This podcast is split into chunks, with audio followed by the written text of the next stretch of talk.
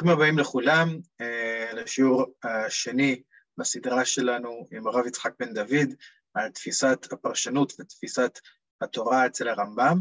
Uh, השיעור הראשון היה לפני שבועיים uh, על ידי הרב בנושא הפרק הראשון של מורה נבוכים, uh, עיון חדש באותו הפרק, ואיזשהו מבט חדש מתוך הפרק על תפיסת הרמב"ם על איך ניגשים לפרשנות המקרא. היום הרב אה, ימשיך בסדרה הזאת אה, וידבר על אה, מסתכלות חדשה על המתחים שבין המשנה תורה לבין מורה הנבוכים לרמב"ם. שאלה ישנה וגם חדשה שמרבים לעסוק בה. אני לא ארחיב בדיבור, מכיוון שכבר הצגתי את הרב בפעם הקודמת, אז אני אעצור כאן, והרב בכבוד. תודה רבה. תודה לך, רב אלי, ותודה לכולם, לכל מי שהגיע והצטרף אלינו. אז אני שמח מאוד ישר להיכנס ככה לעניין. אני אומר רק במשפט שבפעם הקודמת באמת עסקנו בשאלה שקשורה ליחס בין המפעל הפרשני של הרמב"ם לבין המפעל הפילוסופי שלו. וראינו שגם לאופן שבו הרמב"ם מתבונן בשאלה של פרשנות התורה והמשמעות של הפעולה הפרשנית בכלל וביחס לכתבי הקודש ולתורה, אה, יש לה משקל מאוד גדול. אה, ראינו איך זה בא לידי ביטוי במסגרת הפרק הראשון של מורה נבוכים, וביחס לשאלה של אה, דמותו של האל, דמותו של הקדוש ברוך הוא, ראינו איך התפיסה הפרשנית של הרמב"ם לגבי המושג של צלם אלוהים שלובה ושזורה גם בתפיסה הפילוסופית שלו, ואיך שני הדברים האלה אה, משתלבים ומשפיעים האחד על השני. אני לא, לא אחזור על הדברים שדיברנו עליהם פעם שעברה. מה שאני רוצה באמת להקדיש את המפגש ואת הלימוד שלנו הערב, הוא לשאלה משיקה, ובעצם להקשר אחר, הרבה יותר מורכב והרבה יותר סבוך, שבו הרמב"ם גם מתייחס באופן מפורש ליחס בין העיון הפילוסופי והתפיסה הפילוסופית או הרציונלית או העיונית, לבין האופן שבו מפרשים את המקראות. אז בפעם הקודמת עסקנו בשאלת דמותו של האל, אה, בין תפיסה מופשטת ו... אה, של האלוקות לבין תפיסה יותר פיזית וגשמית. והשאלה שאליה אני רוצה להידרש היום היא באמת שאלה שעסקו בה הרבה, אבל אני חושב שכן, אה, בעזרת השם אין בית מדרש בלא חידוש, ואני כן רוצה להציע איזושהי נקודת מבט של המשמעות של השאלה הזאת וההשתקפויות שלה בהגות של הרמב"ם, גם במשנה תורה וגם במורה נבוכים, באופן שאני חושב אה, שיש בו מן החידוש. והשאלה שבה אנחנו נתמקד היום, זה באמת שאלה מאוד מאוד מרכזית גם במורה נבוכים, בכלל בהגות ימי הביניים, גם בתוך העולם היהודי וגם בעולם המוסלמי אה, ובכלל, והיא היחס, אה, השאלה של היחס בין קדמות לבין בריאה. זאת אומרת, התפיסה של העולם כקדום לבין התפיסה של העולם כנברא, עכשיו הרמב"ם מקדיש לשאלה הזאת חלק ניכר מאוד, חלק מרכזי ומשמעותי במורה נבוכים, בעיקר בסוף החלק הראשון ובתחילת החלק השני, כן? זה נושא שמעסיק את הרמב"ם בפרקים ארוכים ומפורטים, אבל אנחנו נתחיל דווקא מפרק שלא נמצא בחטיבת הפרקים הזאת, אלא בפרק שנמצא אי שם באמצע הפרק השני, אה, אה, וזה פרק כ"ה, פרק כ"ה בחלק ב' של מורה נבוכים. אנחנו נראה את הדברים שאומר שם הרמב"ם, ואז נ, נ, נצליב אותם או נשווה אותם לדברים אחרים שהוא אומר בחלקים אחרים של המורה וגם בקטע מרכזי מאוד במשנה תורה. מתוך הדבר הזה אנחנו נצא לאיזושהי תמונה שאני ארצה לשרטט אותה לגבי מה התמונה הכוללת שעולה מתוך כל, ה, כל הדברים האלה. אז כאמור, אני אשתף פה את ה... הפרק הזה, פרק כ"ה בחלק שני, הוא פרק מאוד חשוב במורה נבוכים, ובאמת הפרק הזה הוא פרק רפלקטיבי. זאת אומרת, הוא פרק שבו הרמב"ם לא עוסק בשאלה לגופה, אלא עוזר לנו, אה, הייתי אומר, מכניס אותנו למעבדה שלו, למעבדה גם הפרשנית וגם הפילוסופית, והוא משתף אותנו בשיקולים שבעקבותיהם או מכוחם הוא מכריע אה, אה, הכרעה לכיוון כזה או אחר. אז בואו נקרא ככה את הפרק הזה, וכאמור, עיקר העניין שלנו יהיה להצליב בינו לבין אה, מקומות אחרים ולראות מה צומח מתוך, ה, מתוך המכלול הזה. אז הרמב"ם פה מתייחס לשאלה של העמדה שלו ביחס בין קדמות לבריאה ובנימוקים ובשיקולים שעומדים מאחורי העמדה שבה הוא מחזיק. אז הרמב"ם אומר כך, דע שהימנעותנו מלדגול בקדמות העולם איננה בגלל הכתוב בתורה שהעולם מחודש. כלומר, העמדה שאני נוקט בה לגבי הציר בין קדמות לבריאה, היא לא נובעת מפשטי המקראות כשלעצמן. למה?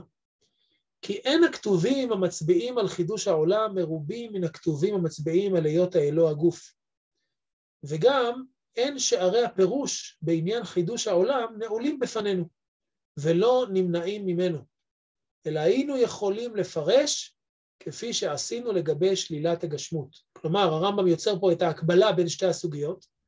ראינו שלגבי שלילת הגשמות, הרמב"ם מחזיק בעמדה פילוסופית, ומכוח העמדה הפילוסופית גם בעמדה פרשנית, חד משמעית, שהקדוש ברוך הוא לא גשמי, אלא הוא מופשט, ועל פי העיקרון הפילוסופי הזה, הרמב"ם אה, עובר לפרש את כל הכתובים, והרמב"ם מקדיש לזה את כל החלק הראשון במורה נבוכים, או חלק גדול מאוד מהחלק הראשון של מורה נבוכים, לפרש את כל המקראות ואת הפסוקים ואת המושגים, שלכאורה אפשר להסיק מהם גשמות של האל, ומפרש אותם כדי אה, אה, אה, לבסס את התפיסה של, התפיסה המופשטת של האלוקות. אז אומר הרמב"ם, כמו שעשיתי את המפעל הפרשני הכביר הזה לגבי שלילת הגשמות, ועברתי פסוק פסוק ומושג מושג כדי לשלול את, הגשמות מהאל, כך גם הייתי יכול לעשות לגבי שאלת חידוש העולם. כלומר, אפשר היה לפרש את המקראות, ואומר הרמב"ם אולי אפילו בצורה קלה יותר ופשוטה יותר, אה, באופן כזה שהעולם הוא קדום, שהרי פירוש לא ננעלו גם ביחס לסוגיה הזאת. הנה, ואומר הרמב"ם, אני ממשיך לקרוא, ואולי היה זה הרבה יותר קל, והייתה לנו יכולת גדולה יותר לפרש את הכתובים ההם ולהוכיח את קדמות העולם, כפי שפירשנו כתובים ושללנו את היותו התעלה גוף. זאת אומרת, הרמב"ם, השיקול הפרשני כשלעצמו הוא לא עיקר העניין. אלא מה כן? אומר הרמב"ם שתי סיבות. אלא שתי סיבות גרמו לנו לא לעשות זאת ולא להאמין בזאת. האחת, שהיות האלוה לא גוף, הוכח הוכחה מופתית. כלומר, הוודאות ההכרתית, העיונית, הפילוסופית, בכך שהאלוה הוא לא גוף, זה דבר שאפשר לבסס אותו ברמה, כן, המילה מופתית, הכוונה הוכח באופן ודאי, על ידי הקש פילוסופי, על ידי מופת עיוני ודאי. אומר, ולכן התחייב בהכרח לפרש את כל מה שפשטו עומד בסתירה להוכחה המופתית, וידוע שיש לו בהכרח פירוש, כן? ואלה כאשר אנחנו, אה, יש התנגשות בין הכרה עיונית מבוססת וודאית לבין פשטי המקראות, אז עלינו לפרש את המקראות באופן שהולם את ההכרעה העיונית. כך זה לגבי שלילת הגשמות. ואילו קדמות העולם, לא הוכחה הוכחה מופתית, ולא ראוי אפוא לדחות את הכתובים ולפרשם על סמך העדפת דעה אשר אפשר להעדיף את טפחה בכל מיני העדפות. אז הוא אומר, אה, וזה באמת נקודה שאולי אני אגיד עליה כמה מילים, כי באמת הנקודה הזאת זה אחד החידושים הפילוסופיים הגדולים של הרמב"ם במורה נבוכים, וזאת הטענה של הרמב"ם מצד אחד למול הכלאם המוסלמי וגם הביטויים שלו בתוך העולם היהודי אצל רס"ג ואחרים, בעיקר אצל רס"ג, וגם למול העולם הפילוסופי, לאריסטו, שהרמב"ם טוען שלגבי השאלה של הקדמות מול הבריאה, אין הוכחה מופתית או אין הוכחה עיונית מוחצת, לא לכאן ולא לכאן. זאת אומרת, הרמב"ם בסוף חלק הראשון, בפרק ע"ו, מביא שבע הוכחות של המתקלמין, כלומר הוכחות שטוענות שאפשר להוכיח בצורה עיונית את חידוש העולם, את הבריאה, והרמב"ם דוחה אותם אחת לאחת. זאת אומרת, אין אף אחת מההוכחות האלה שעומדת בפני הביקורת. אי אפשר לבסס מבחינה עיונית את, את העובדה שהעולם נברא, כן, באופן ודאי ומוחלט. ובאותה מידה, אומר הרמב"ם, יש ודאות מקבילה בעולם הפילוסופי אצל אריסטו. הרמב"ם מביא ארבע הוכחות של אריסטו ועוד ארבע הוכחות של תלמידיו של אריסטו לקדמות, שרוצות להוכיח שהעולם קדום, וגם כאן הרמב"ם מפרק את כל ההוכחות האלה ומראה וטוען שאין הוכחה מוחצת, כאמור, לא לצד הזה ולא לצד הזה. אז אומר הרמב"ם, מרגע שאין הוכחה מוחצת לאף אחד מהצדדים, אני לא צריך לדחות את הכתובים מפני אה, הכרה עיונית שכאמור לא קיימת באופן ודאי ואי אפשר לבסס אותה באופן מוחלט. אז זאת סיבה אחת, אני לא ממהר לדחות את הכתובים מפני הכרה פילוסופית לא מבוררת או לא חד משמעית. הסיבה השנייה היא, אני ממשיך לקרוא, כן, הסיבה השנייה היא שאמונתנו שהאלוה אינו גוף, אינה הורסת לנו דבר מיסודות התורה, ואינה מכחישה טענת שום נביא, ואין בה אלא מה שהבורים טוענים שיש בזאת ניגוד לכתוב. ואין זה ניגודו כפי שהעברנו, אלא הוא כוונת הכתוב. כלומר, אומר הרמב"ם, אה, כן, שלגבי האמונה שהקדוש ברוך הוא אינו גוף, זה לא סותר שום דבר מיסודות התורה. לכן אני יכול לפרש ככה את המקראות. לעומת זאת, אמונת הקדמות, באופן שרואה אותה אריסטו, שהיא על דרך החיוב ושום טבע אינו משתנה, ודבר אינו יוצא מהרגלו, הורסת את התורה מעיקרה, ומכחישה בהכרח כל נס, ומבטלת כל מה שמבטיחה התורה ומאיימת בו. זאת אומרת, אומר הרמב"ם, א', אין הוכחה ודאית, זה היה הטיעון הראשון. הטיעון השני, אם אנחנו נלך עם דרך הקדמות, הדבר הזה עוקר והורס את יסודות התורה. כדי להסביר את זה, בואו אני קצת מדלג, הרמב"ם מסביר למה, כן? למה השאלה הזאת היא כל כך חשובה ומה המשמעות, מה מונח על הכף, כן? מה מונח על הכף שעה שאנחנו דנים בשאלה של הקדמות מול החידוש. אומר הרמב"ם כך, דע. עכשיו שימו לב טוב מה שהרמב"ם אומר ככה, כאן ועוד מעט אנחנו נראה, נראה את ההצלבה של זה עם אה, אה, הדברים שהוא אומר בפרק ע"א ובפרק ע"ו. דע, אומר הרמב"ם כאן, שאם האמונה בחידוש העולם נעשים הניסים כולם אפשריים, ונעשית התורה אפשרית, ונופלת כל שאלה הנשאלת בעניין הזה. כגון שאומרים, למה נתן האל נבואה לפלוני ולא נתן נבואה לאלמוני? ולמה ציווה האל בתורה זאת לאומה מסוימת ולא לאחרים? ולמה נתן מצוות בזמן פלוני ולא נתן מצוות קודם לכן ולא לאחר מכן? ולמה ציווה ציוויים אלה ואסר איסורים אלה? ולמה ייחד את הנביא בניסים המוזכרים ולא הראו אחרים? ומה הייתה כוונת האל במתן מצוות זה? ולמה לא שם בטבענו את הדברים האלה המצווים והאסורים, אם זאת הייתה מטרתו? כלומר, אומר הרמב"ם, יש סדרה של שאלות שקשורות באיזושהי התבוננות רציונלית בתורה, בעיקר בתורה ובמצוות. שימו לב שהדגש פה זה על הנושא של הנבואה ועל התורה והמצוות. כל מיני שאלות שאפשר לשאול על התורה. למה הקדוש ברוך הוא ציווה במצוות האלה ולא במצוות אחרות? מה הטעם, מה המשמעות של המצוות? מה הכוונה שעומדת מאחוריהם? וכולי, שאר השאלות שמפורטות כאן. אומר הרמב"ם, מרגע שאנחנו מאמינים באמונת הבריאה, חידוש העולם, תשובת כל השאלות האלה היא שיאמר, כך חפץ, או כך הצריכה חוכמתו, כפי שהביא לידי מציאות את העולם בשעה שרצה, בצורה הזאת, ואין אנו יודעים את רצונו בכך, או את בחינת החוכמה בייחוד צורותיו וזמנו. כן, אין אנו יודעים רצונו, מדוע חייבה חוכמתו לייחד את כל מה ששאלו עליו לעיל.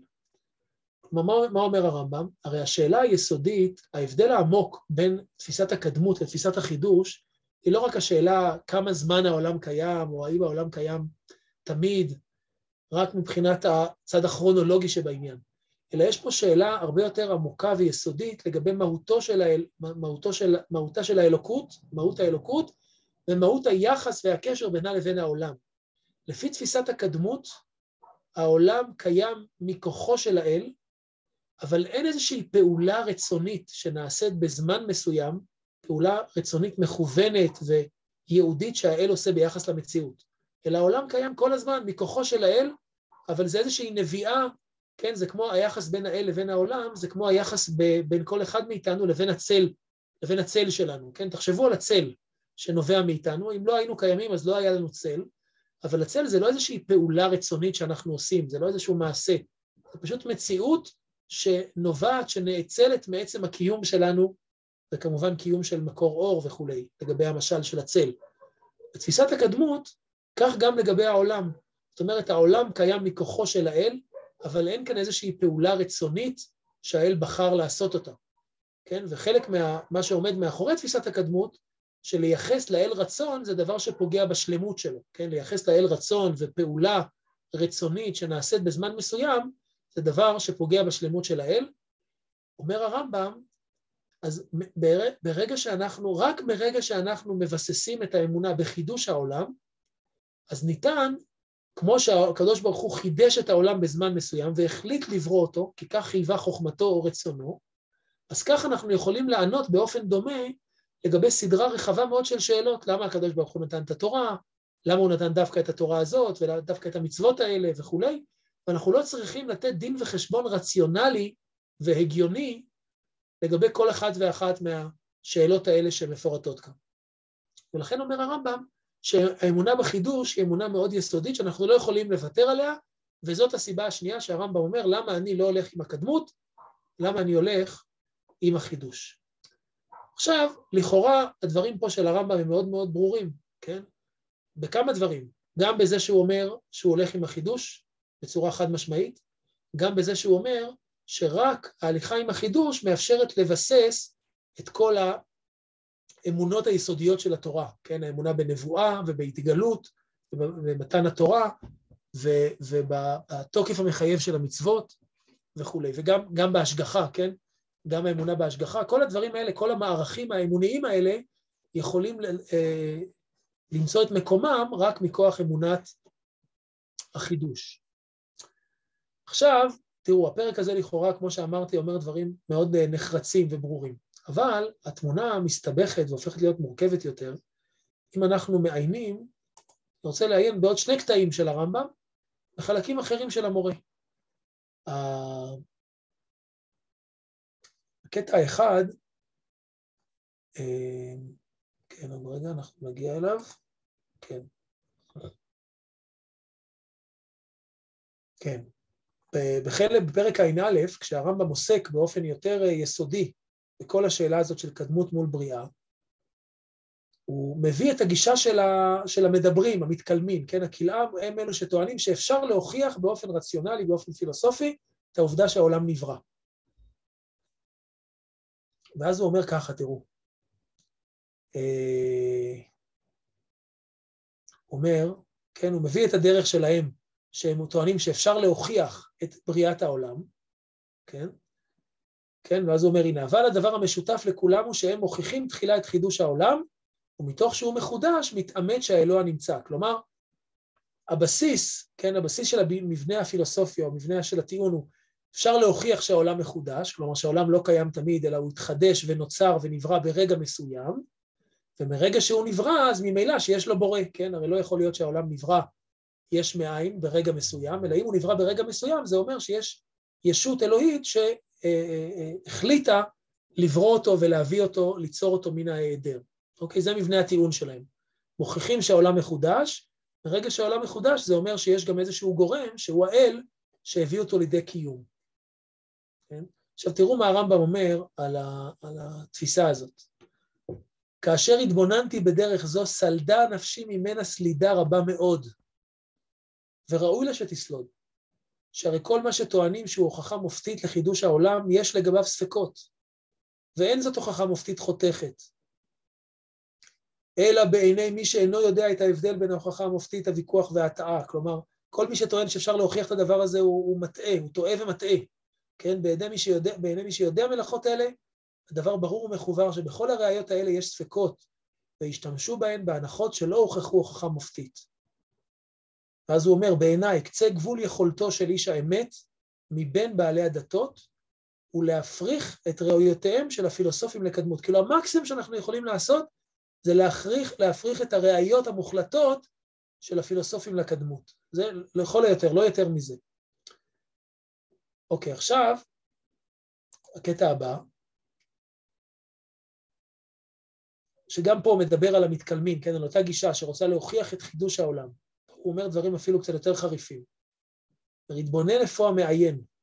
אם מעדיף אתה את בקשת האמת, והשלכת מאחוריך את הפנייה הכיתתית, את הקבלה העיוורת מן המסורת, ואת הרכנת הראש בפני מה שהתרגלת לרוממו, ואל יטעה את נפשך מצבם של המעיינים האלה ומה שקרה להם ומהם. אומר, אל תלך בעקבות הדרך הזאת. למה? אומר ככה, כי משולים הם לבורח מן הרמץ אל האש. כי הם ביטלו את טבע המציאות ושינו את טבע בריאתם של השמיים והארץ בטענה שעל פי הנחות אלה יוכח בהוכחה מופתית שהעולם מחודש. את חידוש העולם הם לא הוכיחו הוכחה מופתית, אבל הם הרסו לנו את ההוכחות המופתיות למציאות האלוה, ייחודו ושלילת הגשמות. כי ההוכחות המופתיות אשר באמצעותן מבהירים את כל זאת, נלקחות דווקא מטבע המציאות הקבוע, הנראה לעין והמושג בחושים ובשכל. עכשיו אני רוצה להסביר את הדברים האלה של הרמב"ם, הם קצת אולי, קצת עמומים, אני רוצה אה, להסביר אותם. הרמב"ם אומר ככה, הדרך שלנו לבסס, הנה אולי, אני, אני אקרא פה עוד כמה משפטים שבהם הרמב"ם, אה, הנה, הוא אומר, אולי אני, אני אגיד כמה מילים ואז אני אקרא עוד כמה משפטים מלשונו של הרמב"ם. בתפיסה של הרמב"ם, הדרך לבסס בצורה יותר חזקה ויותר יציבה, כן, ויותר טובה, את קיומו של האל, את קיומו של האל, את העובדה שהאל הוא אחד, ואת העובדה שהוא לא גשמי, זה דווקא אם מניחים את קדמות העולם. כי דווקא אם מניחים את קדמות העולם, ושהעולם קיים בעצם באופן אינסופי, כן, במשך אינסופי של זמן, אז הרמב"ם מראה שאפשר מהדבר הזה להוכיח שכדי שהגלגל יוכל להסתובב תמיד, כן, כדי שהעולם יוכל להסתובב בצורה אינסופית, חייב שיהיה איזשהו גורם שיסובב אה, אה, אותו, או יהיה איזשהו גורם שעומד מאחורי הקיום הנצחי של העולם. ו- ומה שאומר הרמב"ם זה ברגע שהם דווקא מבססים את ההוכחות שלהם על זה שהעולם מחודש, אז הם בעצם מבטלים את קיומו הנצחי של העולם, מרגע שהם מבטלים את קיומו הנצחי של העולם, אז הם גם לא, אפשר, לא מאפשרים להוכחה החזקה לקיום האל להתבסס. אני, אני אקריא כמה משפטים פה מה, מהרמב"ם לגבי הדבר הזה שאמרתי עכשיו. הוא אומר כך, הוא אומר, אלא האופן הנכון בעיניי, והוא דרך ההוכחה המופתית אשר אין ספק עימה, הוא להוכיח את מציאות האלוה והיותו אחד, ולשלול את הגשמיות בדרכי הפילוסופים, ודרכים אלה מבוססות על קדמות העולם, כן? כלומר, הוא אומר, הדרך היותר אה, איתנה, יותר יציבה, לבסס את עצם קיומו של האל, את עצם קיומו של האל, היא דווקא דרך, הדרך שעוברת בתפיסת הקדמות, בתפיסה שאומרת שהעולם הוא קיים באופן נצחי, ודווקא מהנצחיות של העולם להוכיח את העובדה שהעולם חייב איזשהו גורם, איזושהי ישות שעומדת מאחורי הקיום שלו. עכשיו, הוא אומר, לא מכיוון שאני מאמין בקדמות העולם ומודה להם בכך, אלא מכיוון שבאותה דרך תיכון ההוכחה המופתית ותושג ודאות מושלמת בשלושת הדברים. כלומר, במציאות האלוה, בכך שהוא אחד ושהוא אינו גוף, מבלי להתייחס להכרעה אם העולם קדום או מחודש, כן? כלומר, אומר הרמב"ם, אל, ת, אל תתיימר להכריע הכרעה ברורה אם העולם קדום או מחודש. זו שאלה שאי אפשר להגיע לגביה לוודאות ולהכרה ברורה. זו שאלה שלעולם יישאר לנו לגבי הספק. ומרגע שיישאר לנו לעולם לגבי הספק, זה לא נכון לשים את כל ה... הייתי אומר, להשקיע את כל הכסף שלנו, כן? דווקא בתפיסת החידוש. כי גם ההוכחה שאפשר להשיג מתפיסת החידוש לקיום האל היא הוכחה הרבה פחות חזקה, ולכן אנחנו צריכים להשקיע את יהבנו, כן? בנוגע לעצם קיומו של האל, דווקא על תפיסת הקדמות. כן? עכשיו, אתם תראו עוד דבר מאוד מעניין. כשהרמב"ם במורה נבוכים, סליחה, במשנה תורה, כן? אה, כשהרמב"ם במשנה תורה, בתחילת משנה תורה, בתחילת הלכות יסודי התורה, אה, עוסק בשאלה הזאת של היסודות של האמונה והיסודות של ההכרה בקיום האל, הוא מבסס את האמונה באל, בקדוש ברוך הוא, דווקא על הקדמות, דווקא על תפיסת הקדמות. בואו נקרא חלקים פה מתוך שבע ההלכות הראשונות שבהם הרמב"ם מבסס את כל המהלך שלו. וכאן אני קורא, כן, מתוך משנה תורה, ההלכות הראשונות בעצם בספר הגדול במשנה תורה. אז הרמב"ם פותח ואומר, יסוד היסודות זה עמוד החוכמות לידע שיש שם מצוי ראשון, והוא ממציא כל נמצא, וכל הנמצאים משמיים וארץ ומה שביניהם, לא נמצאו אלא מאמיתת הימצאו. שימו לב שלא במשפט הזה, בהלכה הזאת, ולא באף אחת מההלכות הבאות, בכל התיאור של הרמב"ם כאן, את הקיום של הקדוש, את הקיום של האל ואת היחס בינו לבין המציאות, המילה בריאה, המילה בריאה או חידוש לא נמצאת, בסדר? הרמב"ם בכוונה בוחר כאן מילים שהן יכולות להיאמר גם על פי תפיסת הקדמות, כן? כן, שיש שם מצוי ראשון, והוא ממציא כל נמצא, כן? וכל מה שנמצא לא נמצא אלא מאמיתת הימצאו. אם תשימו לב, כל הלשונות האלה הן לשונות שמשתלבות הרבה יותר בתפיסת הקדמות, שכל מה שקיים, קיים מעצם קיומו, כן? מעצם אמיתת הימצאו. כלומר, לא מדובר פה על פעולה של בריאה, אלא מדובר פה על הימצאות של העולם שקיים מעצם קיומו של האל. כן, וככה גם בהלכה ב', אם יעלה על הדעת שהוא אינו מצוי, אין דבר אחר יכול להימצאות.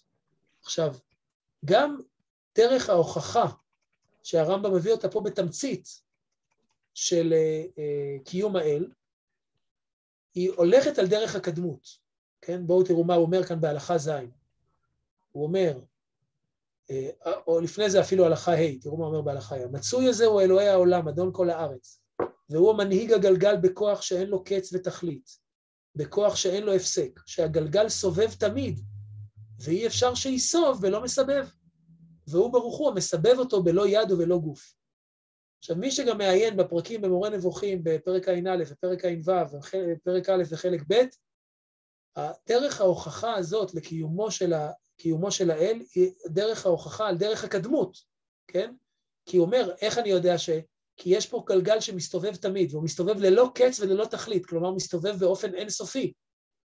מזה שהגלגל מסתובב באינסופי, אני חייב להניח שיש מישהו שמסובב אותו.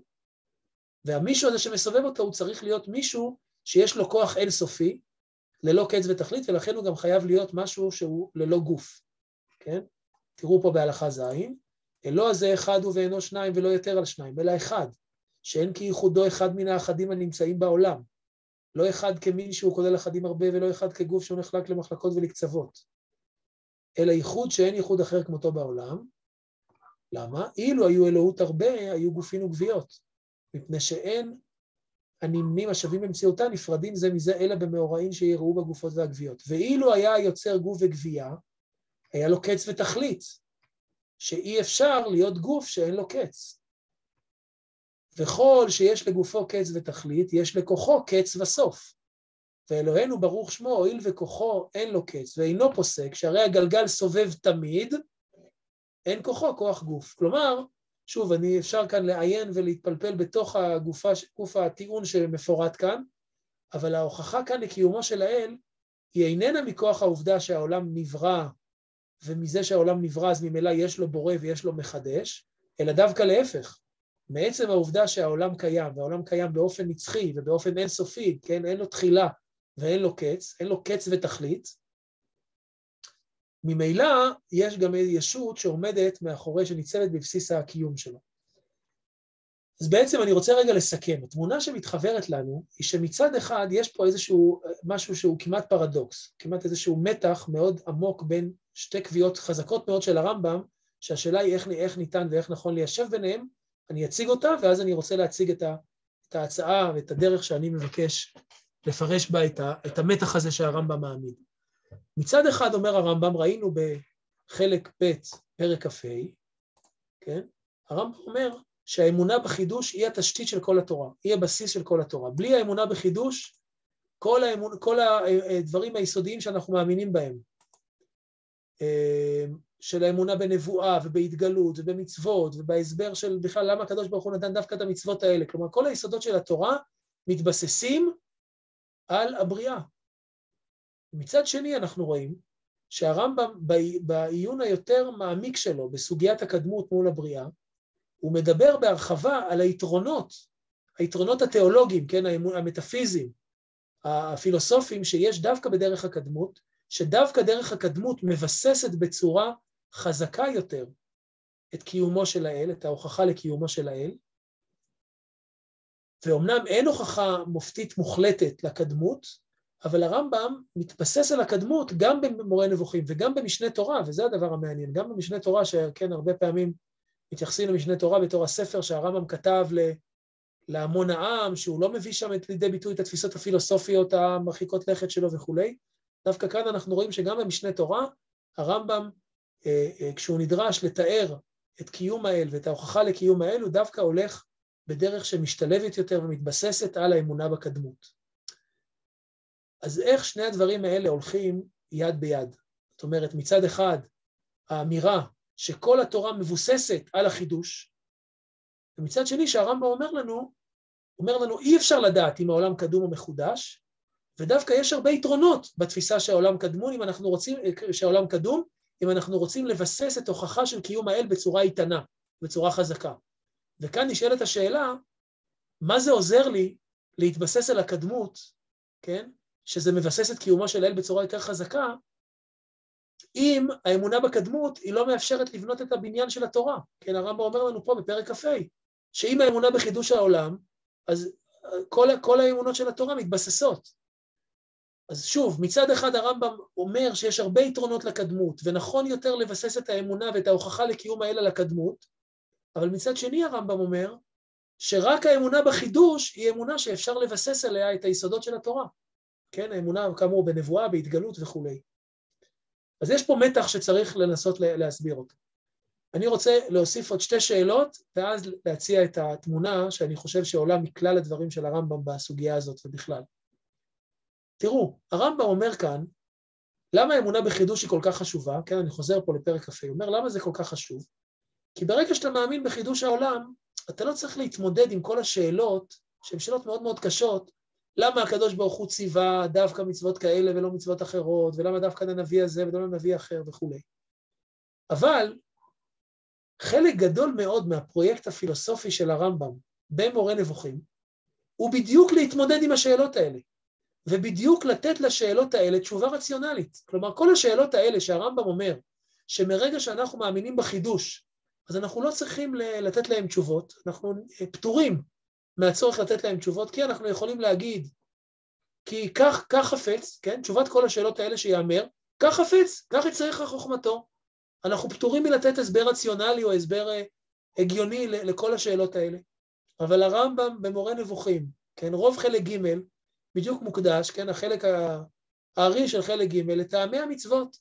כלומר, לתת דין וחשבון רציונלי, פילוסופי, הגיוני, למה התכלית של המצוות ומה המשמעות הרציונלית שלהם, כלומר איך כל מצווה ומצווה, איך כל הקטגוריות של המצוות, 14 הקטגוריות של המצוות, וכל מצווה ומצווה, איך היא מקדמת את המציאות באופן רציונלי, איך היא מקדמת את החברה ואת המצב החברתי, את המצב הפוליטי של החברה וגם את השגת התכלית האנושית. בדיוק את העבודה הזאת שהרמב"ם אומר, יש פה הרבה שאלות מאוד קשות, למה האל ציווה במצוות האלה ולמה לא מצוות אחרות? כלומר, אם אנחנו מאמינים בחידוש, אז אנחנו פטורים מלתת תשובה לשאלה, אבל הרמב"ם, כל המפעל הפילוסופי, או חלק גדול מהמפעל הפילוסופי של מורה נבוכים, זה בדיוק לתת שאלות רציונליות לשאלה הזאת עצמה. יותר מזה, גם לגבי תפיסת הנבואה, ופה אני אגיד את זה רק בכותרת, בלי להיכנס לפרטים, הרי מה המבנה של מורה נבוכים? כן, המבנה של מורה נבוכים, בחלק א' הוא עוסק בתארי שלילת התארים ושלילת הגשמות ופירוש מילים שכל הנושא הזה של הגשמות של האל. חלק ב' וחלק ג' הם בנויים בצורה כזאת שהחצי, חלק א' עוסק בבריאה ואחרי זה בנבואה, וחלק ב' עוסק בהשגחה ובהתגלות, כן? בהשגחה ובתורה.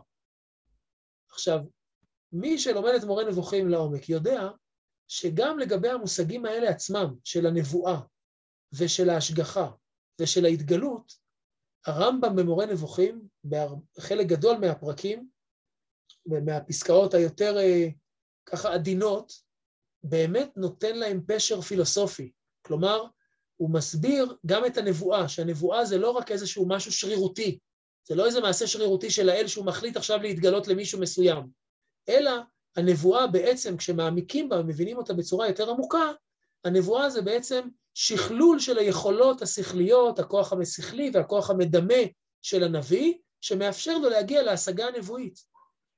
כלומר, גם לגבי, לא רק לגבי טעמי המצוות, אלא גם לגבי כל המושגים היסודיים של מה זה נבואה ומה זה השגחה, כן, גם לגבי השגחה, הרמב"ם נותן איזושהי תפיסה פילוסופית של מה זה השגחה, שברגע שהאדם משתלם מבחינה שכלית, הוא יודע לכלכל את צעדיו, ויש לו איזושהי אחיזה בשכל בצורה שהוא לא, הוא לא, אין לו פגיעות מול המקרים הגשמיים שיכולים לקרות בעולם וכולי. כלומר, הרמב"ם אומר לנו כאן, בפסקה הזאת, עכשיו אני אתמצת רגע את כל מה שאמרתי, הרמב"ם אומר לנו בפסקה הזאת, תראה, אתה יודע למה החידוש זה דבר כל כך חשוב? כי החידוש הוא הבסיס של כל האמונות של התורה, כן? אנחנו יכולים להסביר למה האל ציווה את המצוות, אנחנו, יותר נכון, לא צריכים להסביר, כן? כי האל החליט, כי הוא רצה. למה הוא התנבא, ולמה הוא, איך הוא משגיח, ואיך הוא עושה ניסים וכולי. אבל בו זמנית, מהעבר השני, הרמב"ם, כפי שאמרתי, בכל מורה נבוכים, אה, מתמודד עם השאלות האלה ונותן להם הסבר רציונלי פילוסופי, שהוא לא שרירותי. אז, אז מה קורה כאן, כן? מה בדיוק, מה הרמב"ם באמת חושב לגבי השאלה הזאת של ה... עכשיו, יש, יש כמובן זרם שלם של מחשבה, שטוען שהרמב"ם בעצם האמין בקדמות והאמין בפשר הפילוסופי של התורה והנבואה וההתגלות וההשגחה, אבל כל התפיסה האזוטרית הזאת, כן, הוא הסתיר את דעתו כדי להסתיר אותה מהמון העם ומהרבניים וכולי, אבל הדבר הזה כאמור, לדעתי הוא, הוא, יש כל מיני סיבות שאני לא כל כך אוחז בדעה הזאת, אבל בין השאר ראינו שגם במשנה תורה הרמב"ם מביא דברים שהם גם על דרך הקדמות, כן? אה, ולכן אני רוצה להציע את ההצעה הבאה, ואז אני, אני רוצה לסיים ואני אשמח, אשמח לשמוע הערות, התייחסויות אה, אה, מכל סוג. בעצם המבנה שהרמב"ם מעמיד, שוב, בתמונה הרחבה, הוא את המבנה הבא. בעצם הרמב"ם אומר לנו דבר כזה, השאלה של קדמות או בריאה היא שאלה מאוד מאוד יסודית, שהפשר של כל המושגים היסודיים של האמונה ושל התורה תלוי בה. זאת אומרת, אם אנחנו נלך בדרך הקדמות, אנחנו נצטרך לתת פשר הרבה יותר פילוסופי, רציונליסטי, לתורה, למצוות, למושגי ההתגלות והנבואה וההשגחה.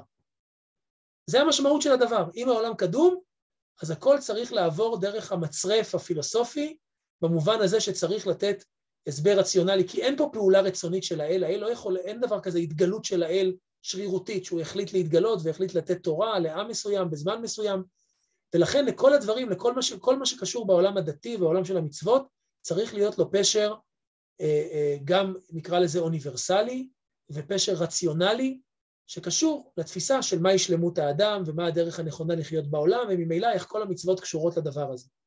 זה המשמעות של הקדמות. מצד שני, אם אנחנו מאמינים בבריאה, כלומר שיש פעולה רצונית שבראה את העולם, ממילא פתוחה בפנינו הדרך גם להאמין שהאל יתגלה בזמן מסוים וברגע מסוים, וציווה במצוות מסוימות, ואפשר לבנות בניין של תורה שהוא מעבר לרציונליזם של ההסבר הרציונלי לכל פרט ופרט מהתורה. ואז ממילא גם אפשר להאמין בהשגחה ואפשר להאמין בניסים. עכשיו, שתי המערכות האלה עומדות האחת לצד השנייה. יש פה שתי מערכות, שני מבנים, שני מבני אמונה. עכשיו אתה שואל את השאלה, אוקיי, אז מה נכון? מה נכון? מה הרמב"ם האמין? מה הרמב"ם האמין שבאמת המציאות? תשובה, הרמב"ם אומר את הדבר הבא, באמת אי אפשר לדעת, אי אפשר לדעת האם זה או זה. ולאור העובדה שאי אפשר לדעת, הרמב"ם בעצם במפעל הפילוסופי וההלכתי שלו, המפעל ההגותי הכולל שלו, בקטעים שונים, הוא בעצם בונה, כן, אפשר לקחת, וזה לא מתחלק, זו הנקודה המעניינת, זה לא מתחלק בין משנה תורה לבין מורה נבוכים, אלא אפשר לראות ביטויים של התפיסה האחת גם במשנה תורה וגם במורה נבוכים, ואותו דבר לגבי התפיסה השנייה. אז יש, אז לאור העובדה שאי אפשר לדעת, הרמב"ם בעצם בונה שני מבנים, שתי דרכי הצדקה לתורה ולמצוות ולאמונה. דרך הצדקה אחת היא באמת דרך ההצדקה הפילוסופית, כלומר שנותנת פשר רציונלי אה, גם למצוות, גם למצוות וגם למושגי היסוד של האמונה, שההשגחה, התגלות, נבואה. ו- וזה מבנה אחד, שהרמב"ם מעמיד לנו אותו, משקיע השקעה מאוד מאוד גדולה כדי לבסס את המבנה הזה, שכאמור נשען על תפיסת הקדמות. ובמקביל, הרמב"ם גם, ופה אולי נקרא עוד קטע אחד, הרמב"ם גם ב, ב, בונה את המגדל שהוא, הייתי אומר, מעבר לרציונליות, או מעבר לתפיסה הרציונליסטית של המצוות. ופה אולי הקטע המובהק ביותר זה הקטע של הרמב"ם במשנה תורה, שהוא קטע עם עוצמה מאוד מאוד גדולה, בסוף ספר עבודה, שהרמב"ם אומר ככה, ראוי לאדם להתבונן במשפטי התורה הקדושה ולידע סוף עניינם כפי כוחו. זאת צריך לנסות להבין את המשמעות של המצוות, אבל דבר שלא ימצא לו טעם ולא ידע לו עילה, אל יהיה קל בעיניו. ולא יהרוס לעלות אל השם פן יפרוץ בו, ולא תהא מחשבתו בו כמחשבתו בשאר דברי החול. כן, בואו ראה כמה החמיר התורה במעילה. אני קצת מדלג, ואז הוא אומר, קל וחומר למצוות שחקק לנו הקדוש ברוך הוא, שלא יבעט האדם בהם מפני שלא ידע טעמן, ולא יכפה דברים אשר לא כן על השם, ולא יחשוב בהן מחשבתו כדברי החול. הרי נאמר בתורה, ושמרתם את כל חוקותיי ואת כל משפטיי, כן? הוא אומר, אמרו חכמים ליתן שמירה ועשייה לחוקים כמשפטים, והעשייה ידועה, ואיש יעשה החוקים, והשמירה, שייזהר בהן ולא ידמה שהן פחותין מן המשפטים. והמשפטין הן המצוות שטעמם גלוי, וטובת עשייתם בעולם הזה ידועה, כגון איסור גזל ושפיכות דמים וכיבוד אב ואם. והחוקים הן המצוות שאין טעמם ידוע. כן, אמרו חכמים, חוקים חקקתי, ואין לך רשות לערער בהם. ויצרו של אדם נוקפו בהם, ואומות העולם משיבין עליהם, כגון איסור בשר חזיר ובשר וחלב וכולי. וכמה היה דוד המלך מצטער, אבל לפי קוצר דעת האדם היה מוסיף דבקות בתורה. ואז בסוף הוא אומר, אמרו חכמים שבשביל עבודת הקורבנות העולם עומד. עכשיו, אם לא הייתי יודע, אם לא היינו יודעים שמי שכתב את הטקסט הזה הוא גם אותו אדם שכתב את מורה נבוכים, כן? היינו חושבים שהטקסט הזה נכתב כטקסט פולמוסי נגד מורה נבוכים. כי הרי מה הרמב"ם עושה בחלק השלישי של מורה נבוכים? כן? לגבי הקורבנות, שהוא אומר כאן שאמרו חכמים שבשביל עבודת הקורבנות העולם עומד, והם מכלל החוקים, והקדימה תורה ציווי על החוקים, כלומר יש קטגוריה נפרדת של מצוות שאין להם טעם רציונלי, ואנחנו לא יכולים להבין אותם על פי השכל. מה שהרמב"ם עושה במורה נבוכים, כן, בחלק, בחלק ג' פרק, פרק ל"ב, הוא בדיוק נותן טעם רציונליסטי, היסטוריציסטי, כן? מי שמכיר, אומר, הקורבנות זה בגלל שהיה עבודה זרה ואי אפשר היה לבטל אותה לגמרי וזה משהו הדרגתי וכולי. אז מה בעצם, מה, מה, עכשיו אני רוצה רגע, אז מה בעצם אני מנסה לומר? שמרגע שהרמב"ם אומר שיש שתי אפשרויות עומק לחוות ולהבין את המשמעות או את, ה, את היחס בין הקיום של העולם לקיום של האל, יש את ההבנה של הדרך הקדמות ויש את ההבנה על דרך הבריאה. עכשיו, בין שתי הדרכים האלה יש דרך ל- ל- לנקוט עמדה, להחליט האם זה ככה או ככה. יש הרבה אנשים שחושבים שהרמב"ם חשב את אחד משני הדברים האלה. יש הרבה פילוסופים ופרשנים שלו זה שאומרים שבעצם הוא חשב את הקדמות וכל השאר זה רק מסך עשן. ויש כאלה שאומרים שבעצם הוא חשב את הבריאה וכל השאר זה רק איזשהו ניסיון אה, לבוא בדין ודברים עם אנשים שהושפעו מהפילוסופיה. אבל אם קוראים את הרמב"ם בצורה, אני חושב, אה, רחבה, ומקשיבים היטב, הייתי אומר, מקשיבים היטב למה שהרמב"ם אומר, הוא אומר, השאלה הזאת היא שאלה שאי אפשר להכריע בה, ולכן בעצם הרמב"ם באמת לא הכריע בה. יש קטעים שבהם הוא מדבר מתוך עמדת הקדמות, כן? ויש קטעים, נגיד כל הפרשנות הפילוסופית של המצוות במורה נבוכים, ויש פעמים שהוא מדבר מתוך עמדת החידוש, למשל הקטע הזה כאן שקראנו עכשיו בתוך משנה תורה.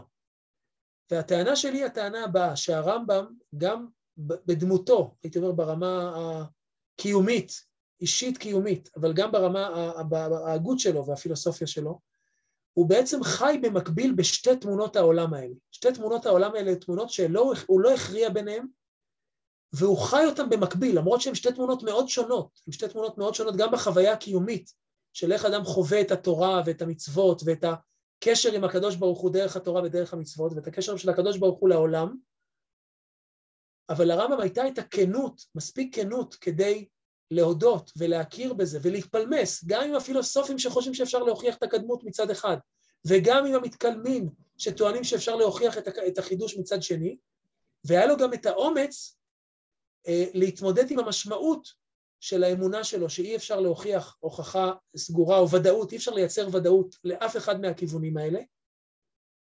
ועכשיו, מה קורה כשיש שתי תמונות עולם, שתי תמונות עולם ש, שאי אפשר להגיע לוודאות לגבי אף אחת מהן?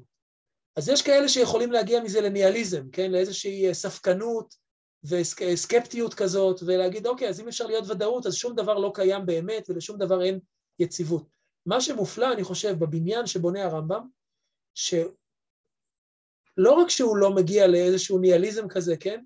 אלא שהוא בונה שני עולמות במקביל, שכל אחד מהם הוא עולם מאוד מאוד עוצמתי, כן? עולם, בניין של אמונה וזיקה נפשית וקיומית עמוקה על התורה ולמצוות. האחת היא על דרך הפילוסופיה, והשנייה היא על דרך האמונה בחידוש והאמונה בתורה כ, כתוצאה או כתוצר של התגלות במובן הפשוט, ושני המבנים האלה קיימים במקביל, והרמב"ם כל הזמן, אפשר לומר, עובר ביניהם, כן? עובר ביניהם, וחי את שניהם במקביל ואת, אחד, ואת שניהם אה, אה, זה לצד זה. אני רוצה לשים נקודה, כי כבר הזמן שלנו כבר מתקצר, ואני מקווה שיש לכם איזה שהן שאלות או התייחסויות או תגובות, ואני מקווה שיהיה לנו קצת זמן להתייחס אליהן. אז בבקשה. טוב, תודה רבה לך, הרב. אה, שלום, היד שלך הייתה מורמת כבר אה, רוב חצי שיעור, אז אני אקרא לך. כן, אם יש אחרים, אז בכבוד, שיער את דבריי לסוף. יש מישהו אחר שרוצה? בכבוד. אה, אני מבקש להעיר שתי הערות. אני רוצה רק להגיד שאני לומד את הרמב"ם כבר 50 שנה, וגם עכשיו אני לומד זה, וכל פעם עם רבנים ומורים אחרים, ואין לי אפילו יומרות אה, אה, להבין את הרמב"ם בצורה כל כך פשוטה כמו שהוצגה פה. אבל גם דיון, אי אפשר לעשות את זה דרך זום, צריך לעשות את זה בצורה פרונטלית ולהתווכח על כל דבר, אבל לפעמים אנחנו אה, מסבירים, אה, לוקחים מילה ומסבירים אותה לא כל כך נכון, ולכן מגיעים למסקנות אה, קצת שונות. קודם כל לגבי טעמי המצוות, רבנו בקטע האחרון שהבאת מסוף ספר העבודה, לא אמר שזה לא רציונלי או כן רציונלי, הוא אמר שטעמם ידוע וטעמם לא ידוע. אבל לדעתו כולם רציונליים, רק חלק לא ידועים וחלק לא ידועים, לכן אין סתירה בין פה לבין מתן הניסיון שלו להטעים אותה במקומות אחרים. דבר שני, הניסיון להביא מהלכות יסודי התורה פרק ראשון, אה, אה, כדי לראות שמה שיש שם אלמנטים של הבנת הקדמות, אה, נשכח פה איזה משפט אחד, כתוב פה, והוא ממציא כל נמצא, במשפט השני שלו. ממציא כל נמצא, זה דבר שלא יכול להשתלב עם הקדמות. עוד דבר שהערה, שגם כשאני אומר שלגלגל אין קץ ותכלית, זה לא אומר שאין לו תחילה. כי המושג של תכלית זה קץ סופי, וכשאנחנו אומרים כל הווה נפסד זה רק אחרי ש, שנבראה הבריאה. אה, ככה זה הערות ככה, ואגב בשביל אה, זה. לכן ברור לי שהרמב"ם אין לו שום דילמה בנושא חוסר היתכנות של הקדמות, אלא שהוא אומר שכשהרי אני עושה השוואות בין ההוכחות לכך ולכך, אין לי הכרעה מבחינה הכרעה פילוסופית או מחשבתית, לכן אני מכריע לפי ההבנה של התורה, של, של מה שנאמר על נבואה, מה שנאמר על אה, אה, ניסים, כל הדברים האלה. כי אם תאמין בקדמות, אין התכנות לנבואה ולהשגחה ולניסים. כי זה שינוי מהעובדה שהעולם משתלשל באופן הכרחי מאת הקדוש ברוך הוא. זה הסיבה למה אני מכריע, הרמב"ם אומר שזה חידוש העולם, גם אם אין לי היכולת להכריע בצד הפילוסופי, התיאוסופי. עד כאן הערות אגב, אבל זה לא, לא הכול. תודה רבה, תודה. שלום, אתה רוצה להעיר? אז קודם כל תודה על השיעור, כל הכבוד שאתה עוסק בדברים האלה ומעביר לנו שיעורים בנושאים האלה, אני מקווה ששומעים אותי ברור, אם בלי מיקרופון. תראה, הרמב"ם עצמו עונה על השאלות האלה, הוא עונה בשני מקומות, פעם אחת במורה ופעם שנייה הוא ענה בכתב ידו, הוא כן את אה, מה שכתב על, אה, על הקדמות בעצם בפרק חלק הוא הוסיף הערה. פרק חלק, נדמה לי שזה רביעי, זה הנקודה הרביעית, הוא מדבר על זה שהעולם מקודש. ושם הוא כותב, הוא מסביר בדיוק את מה שאתה ניסית כאן אה, לשתור, הוא מסביר למה הוא הלך בדרך הקדמות. הוא אמר, כי שם יש הוכחה מופתית. הוא בעצם גם אמר את זה במורנו רופי. כן, זה... זה... אתה בעצם השארת אותנו במין כזה תיקו. בסדר. שגם הרמב"ם השאיר אותנו בתיקו. אבל בחלק ב', אה, נדמה לי 19, י"ט, הוא כותב, באמת אי אפשר לתת, אה, אי אפשר לתת הוכחה לא לכאן ולא לכאן. ולכן יש לי, יש לי את הנבואה. וכשאין לי הוכחה לא לכאן ולא לכאן, אני הולך לפי המסורת. זה הרמב"ם אומר. אז בסדר, זאת בעצם מה שאתה אומר, הרמב"ם כבר אמר אותו. בצורה מפורשת, בלי פרשנות. אה, כן, אבל רק רק להגיד... לא, אבל... רגע, סליחה שאני... כן, כן. אתה יודע מה, לך על זה, סליחה. לא, לא, לא, אני איתך. כאילו, ובסוף הוא כן אמר, ההכרעה שלי נובעת מהנבואה. כן? כשאין לי הכרעה פילוסופית, אז אני תופס את הנבואה בתור משהו שמטה את הכף. כן, אני רק, אני רק מעיר, אני אומר, מה שאתה אומר עכשיו, אתה צודק, וזה גם מה שהוא אומר באמת בפרק כ"ה. אבל אם זה היה כל כך פשוט, כלומר, אומר, אין הכרעה לכאן ולכאן, ולכן אני הולך עם, ה, עם התורה, או מה שכתוב בפשטי המקראות, אז איך הוא יכול בחלקים אחרים לומר שהוא רוצה לבסס את הוכחת קיום האל דווקא על הקדמות? זאת אומרת שהרמב"ם עדיין לא סוגר את האירוע, לא סוגר את הסיפור הזה. כלומר, אפשר היה להגיד, מבחינה פילוסופית זה שקול לכאן ולכאן, ואז הנבואה מכריעה את זה, פשטי המקראות מכריעים את זה, מטים את הכף, ואז אין שום טעם, אין שום טעם להקדיש כל כך הרבה מאמץ ולתת כל כך הרבה משקל ומרכזיות להוכחת קיום האל על פי דרך שהיא לא נכונה, דרך הקדמות, אם היא לא נכונה, כלומר מרגע שהתנו את הכף, על פי פשטי המקראות, כן, אם, אתה מבין, כלומר יש פה איזושהי צורת כן, אני הבנתי, אני רק לא... יותר מסובך, כלומר מצד אחד מתאים את הכף לטובת הבריאה, ומצד שני, הקדמות כן. נשארת ואנחנו מתבססים עליה ונותנים לה משקל מאוד גדול. אני איתך, אני רק חושב שהדבר הזה הופך את, הרמב, את הרמב"ם, הרמב"ם עושה את זה בעצמו, אתה יודע, הוא אומר, אני, הספר שלי יש בו, יש פה סתירות מכוונות, כן, הסתירה השביעית. אתה בעצם טוען שיש כאן סתירה שביעית, והפתרון שלך לסתירה השביעית זה שזה נשאר בתור סתירה. זה, זה משהו שמאוד קשה לקבל אותו, אתה מבין? אתה אומר, אתה נשאר בתור סתירה. לא נשאר בתור סתירה, הרמב"ם מכריע. והוא כל הזמן מתרץ, ולא שומעים לו. הוא אומר את זה, הוא צועק את זה בכל רב, הוא כתב את, ה, את ההערה שלו ל, ל, לעניין של הקידוש, הוא כתב בכתב יד שהוא כבר היה זקן, זקן, הוא רועד, ממש רועד, רואים את זה בכתב היד שלו. הוא, היה חשוב לו לבוא ולהגיד, חבר'ה, אל תחשדו אותי שאני... ככה אני, אני מפרש, כן, זה, זה שלי, כן, אתה יכול לחלוק. אה, הוא מסביר, הוא מתרץ למה הוא השתמש ב, ב, אה, בהוכחה הזאת, כי היה חשוב לו לתת ראיות חותכות. הוא אומר, היה חשוב לתת ראיות חותכות, אני לא רציתי איזה... כי קשה מאוד להוכיח אה, הוכחה מופתית על הקדוש ברוך הוא, הוא אומר את זה בעצמו, אלא בדרך כלל קדמות. עכשיו אתה שואל למה? שם השאלה שלך צריכה להיות, למה? אתה טוען שהוא האמין בזה, אני, אני טוען שהוא הסביר למה. הבנת אותי? הוא אמר למה, הוא אמר כי הוא רצה להיות פשוט. שוב, אני אומר שאם כדבריך הוא היה מטה את הכף בצורה חד משמעית והרמטית כאילו לכיוון של החידוש, לא היה פשר, לא היה פשר ולא היה ערך, מה שאתה אומר, רצה להיות פשוט, הוא רצה להשתמש בהוכחה המופתית, אבל מה הטעם להשתמש בהוכחה מופתית שמבוססת על דבר שאתה שולל את קיומו, שולל את, את, את האמת שיש בו, כן? זה, ולכן אני רוצה לטעון, אני גם, אבל אני טוען משהו הרבה יותר עדין, כלומר, אני לא טוען שהוא לא האמין בחידוש, אני טוען שבו הוא, הוא, הוא אמר... גם וגם, זה הכי גרוע, זה תרתי דה סתר. כן, הוא אמר, השאלה הזאת, ופה אתה אומר, הרמב"ם היה אמר בכל מקום, אני חושב שבכל מקום הנקודה הזאת זו נקודה שהרמב"ם חוזר עליה בהרבה מאוד פעמים. הוא אומר, אי אפשר לדעת מבחינה פילוסופית או מבחינה רציונלית אז אתה אומר, אוקיי, אי אפשר לדעת מבחינה רציונלית, אז כתוב בתורה, אנחנו הולכים עם התורה.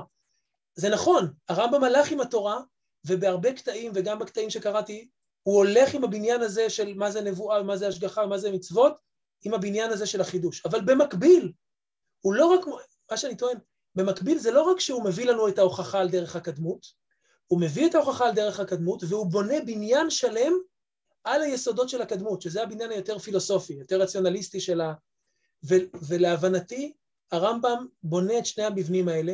עכשיו, זה לא סתירה לוגית, כי זה נכון שכנראה אחד משני הדברים נכון, אחד משני הדברים. אי אפשר לשניהם להתקיים ביחד. לא, לא, לא, זה נכון. העולם לא יכול להיות מחודש ו...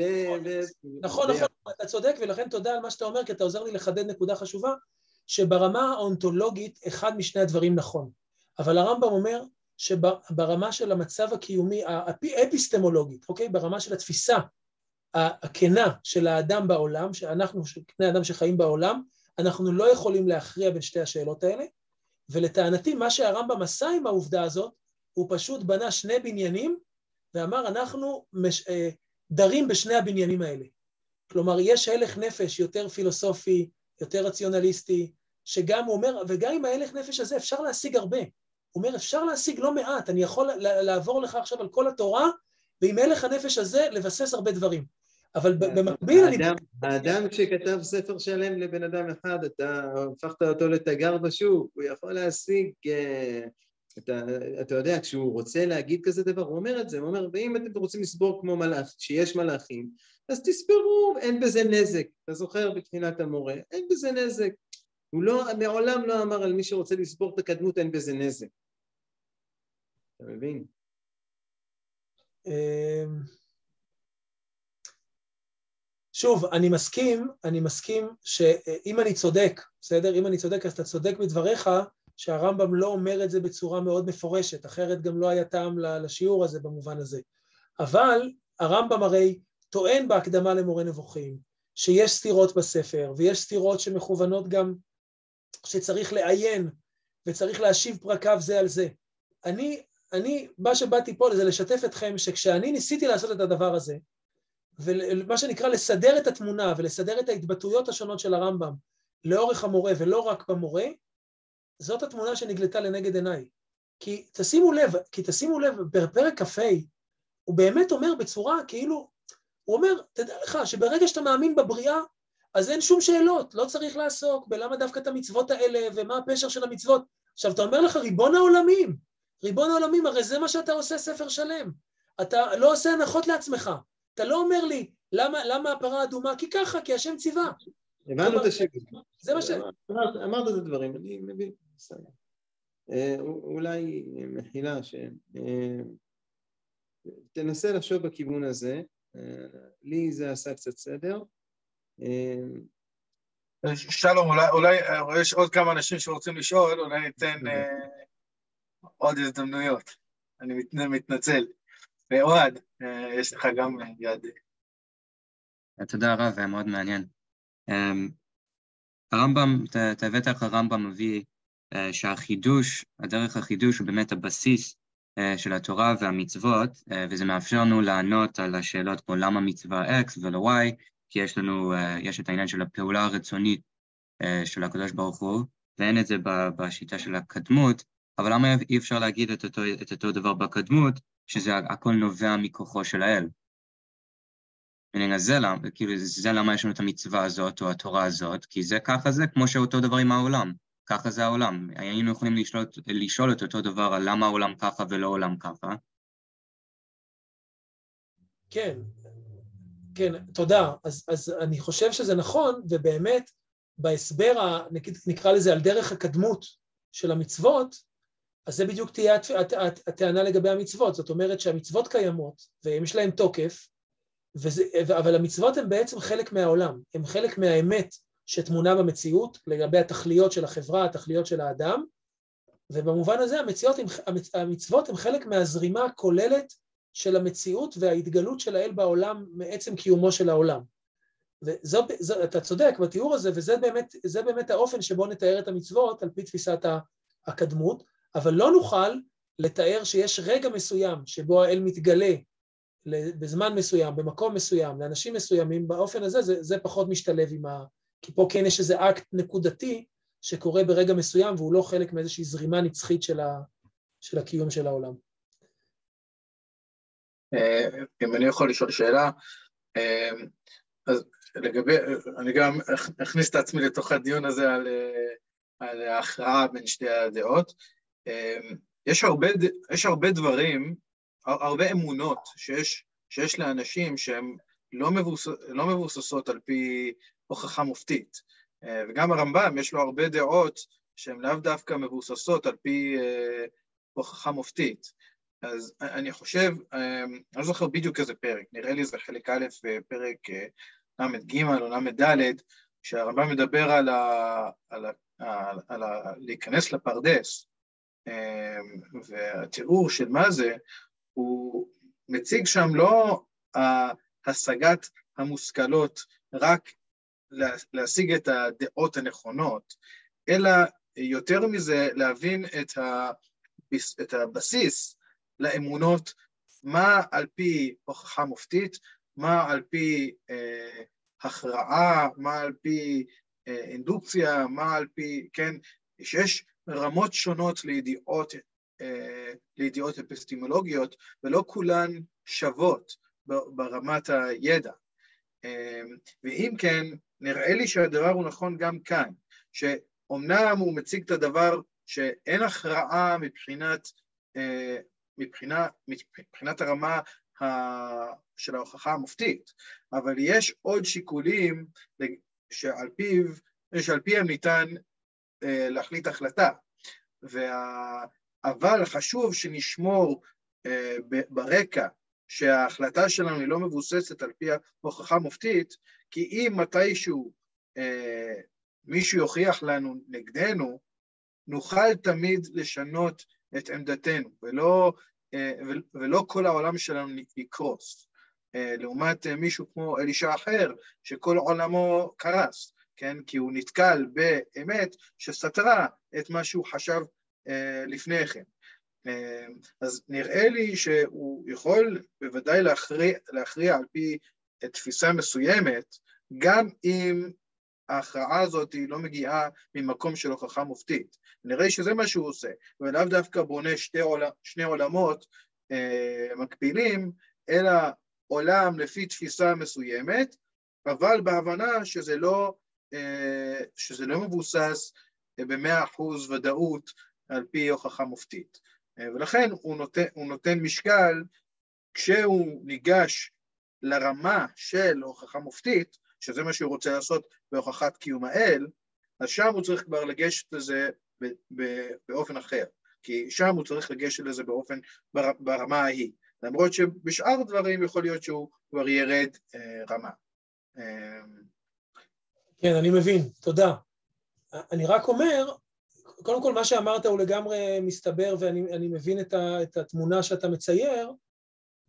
אני רק אומר שהרמב"ם, מעבר לעובדה שהוא נזקק לקדמות לגבי הוכחה המופתית של האל, אני טוען שבחלקים מההגות שלו, הוא כן, גם כשהוא מנסה, נגיד מנסה לתת, לתת פשר, כלומר להסביר את המציאות שלו, נגיד את ה...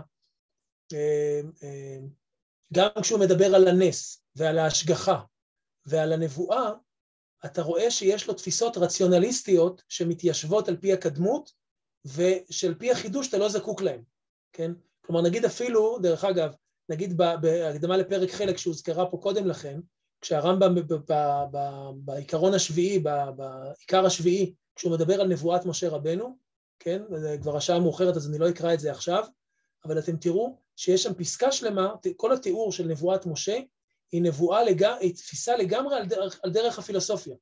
כלומר, הוא מתאר, הוא לא מתאר התנבאות של משהו שהתגלה אליו, אלא הוא פשוט מדבר השתלמות שכלית של משה שהגיע להשגה שלמה ומלאה וכולי. זה ממש התיאור שלו שם, וזו הקדמה לפרק חלק, זה לא מורה נבוכים אפילו. כלומר, כל מה שאמרת הוא נכון, אלא רק אני מוסיף פשוט עוד רכיב שאני רואה בהרבה מקומות אצל הרמב"ם, גם בטעמי המצוות, וגם כשהוא מדבר על נבואה ועל השגחה, שהוא כן עושה את העבודה של להסביר אותם על דרך הפילוסופיה, כלומר על דרך הקדמות בעצם, כן? על דרך ה... ה, ה לא, לא שיש איזו פעולה רצונית של האל שמתגלה ברגע מסוים, אלא משהו כזה שטמון בתוך המציאות וזה, וכולי, גם לגבי נבואה וגם לגבי השגחה וכולי. זאת הסיבה שאמרתי שאני חושב שהוא בונה שני בניינים, כן?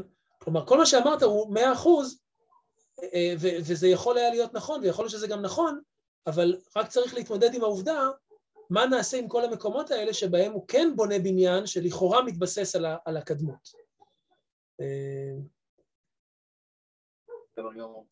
טוב, אה, אז נראה לי שנעצור כאן. אה, הרב, תודה רבה לך על שני שיעורים מאוד מאוד מעניינים ועל הסדרה אה, שהעברת אצלנו. אני מזכיר שהשיעור הבא יהיה לנו בעוד שבוע וחצי, ביום שלישי הבא, השיעור השלישי בסדרה של הרב אהרון גפך על מקור המחלוקת הבתר תלמודית, אה, ובעוד שבועיים, מיום ראשון הזה, נתחיל כבר בסדרה חדשה, אה, סדרה שתעסוק בגירוש ספרד אה, ויחסי המגורשים והתושבים המקומיים בארצות שונות שהמגורשים הגיעו אליהן. זוהי סדרה ש... ששני מרצים ירצו ביחד, אחד יהיה פרופסור, אה, הרב פרופסור משה עמר, והשני פרופסור ירון הראל, אה, אחד שידבר על הדברים ביחס למרוקו, והשני אה, ביחס לחלב. דברים מעניינים מאוד והבנה יסודית בהתפתחות של המסורת הספרדית בעולם הספרדי, אז אני ממליץ מאוד לאנשים להצטרף. תודה רבה לך שוב, ושיהיה לכולם ערב טוב. תודה רבה לך ולכם על הזכות ועל ההזדמנות ועל המסגרת הנפלאה הזאת. באמת תודה רבה. ברוך תהיה. כל טוב.